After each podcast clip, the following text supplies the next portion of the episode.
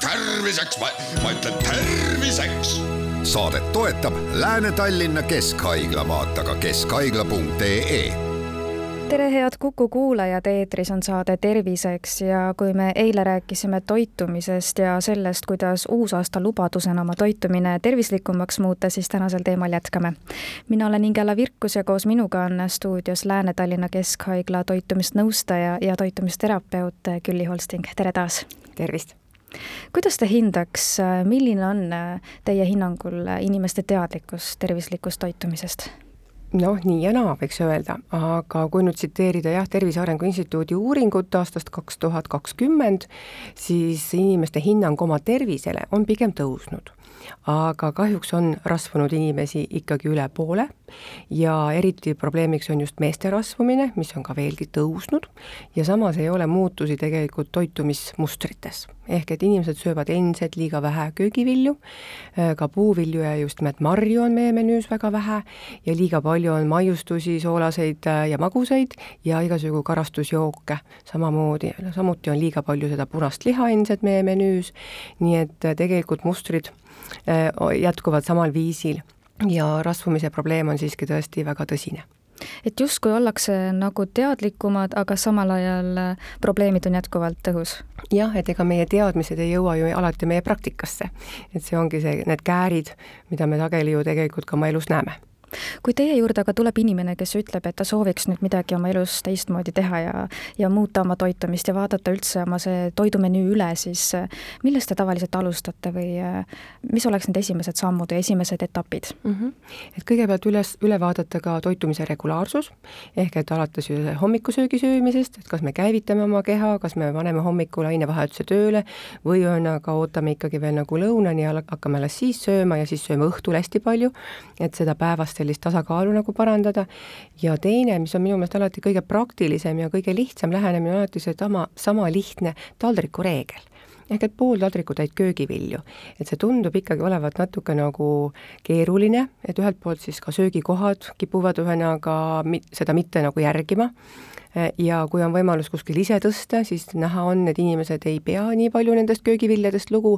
või ütlevad, et jah, see salat, et see pole mingi mehetoit, eks ole, et, et et ma tahaksin ikkagi nagu seda, mis kõhu täidab ja tõstavadki siis pool taldrikutäit seal nagu hoopis süsivesikuid, kartulit, riisi, tatart, makarone, ehk et äh, selle asemel, et siis valida sinna rohkem köögivilju.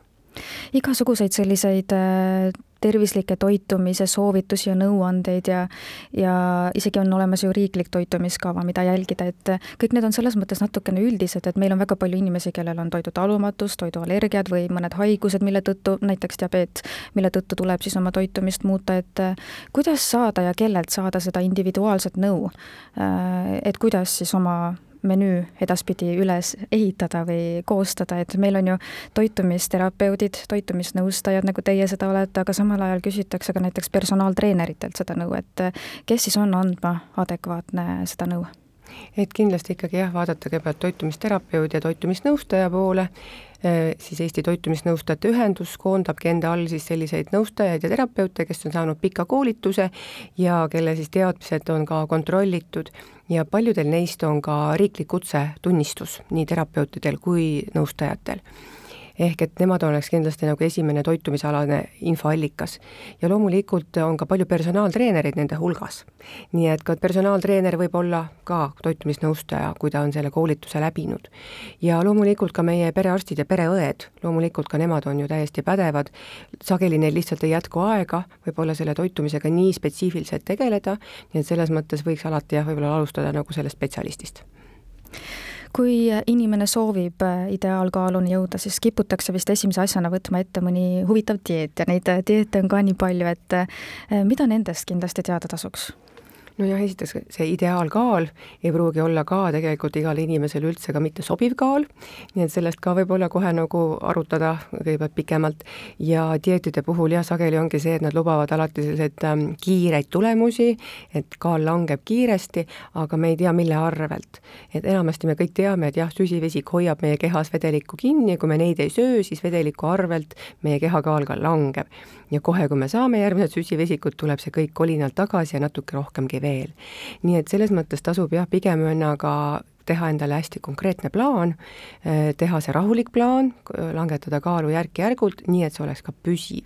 ja kindlasti sellega kaasub ka ikkagi elustiili muutus. ja liiga kiire muutus ei ole ka meile hea, sest siis me oleme selle muutuse pärast nii suures stressis, et me nagu elamegi ainult selle nimel, et kuidas seda dieeti siis nagu järgida või seda muutust ellu viia. ja see omakorda jälle paneb meie stressihormoonid tööle, mis jällegi suunavad meid ka rohkem sööma ehk tõstavad meisu ka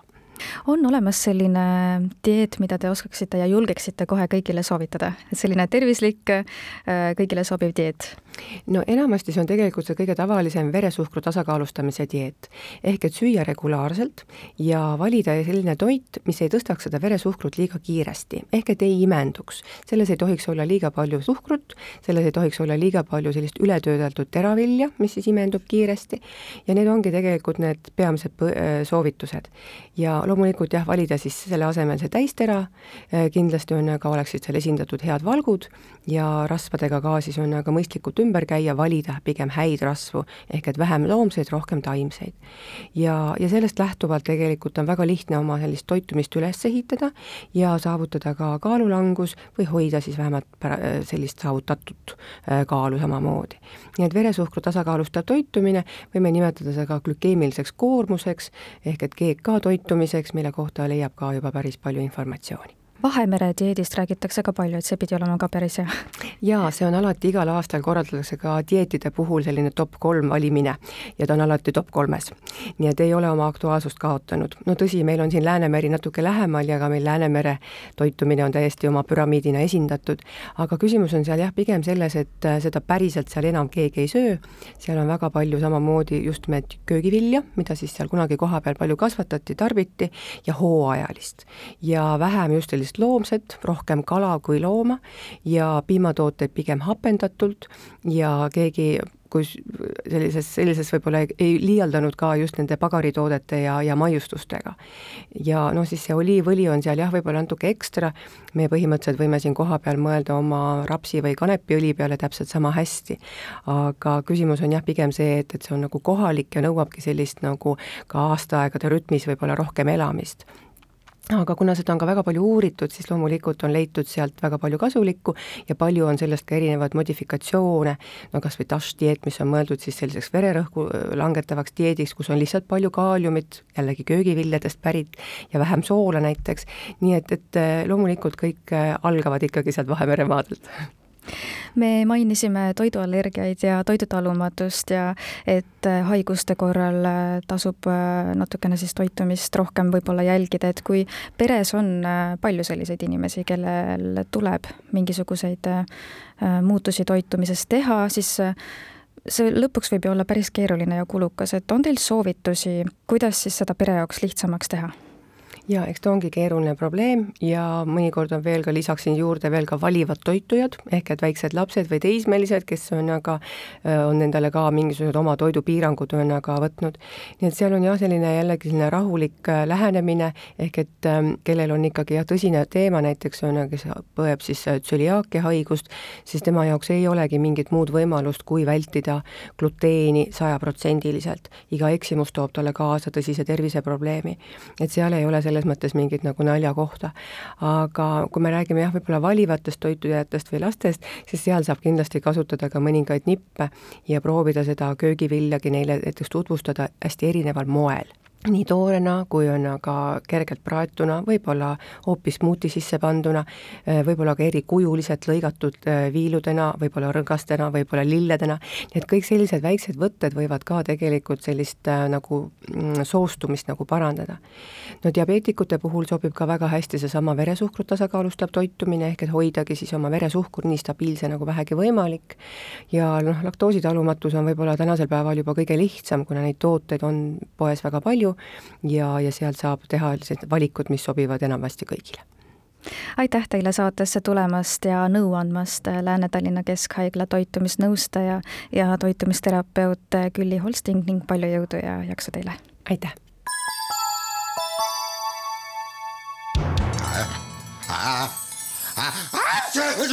terviseks, ma ütlen terviseks saadet toetab Lääne-Tallinna Keskhaigla, vaata ka keskhaigla.ee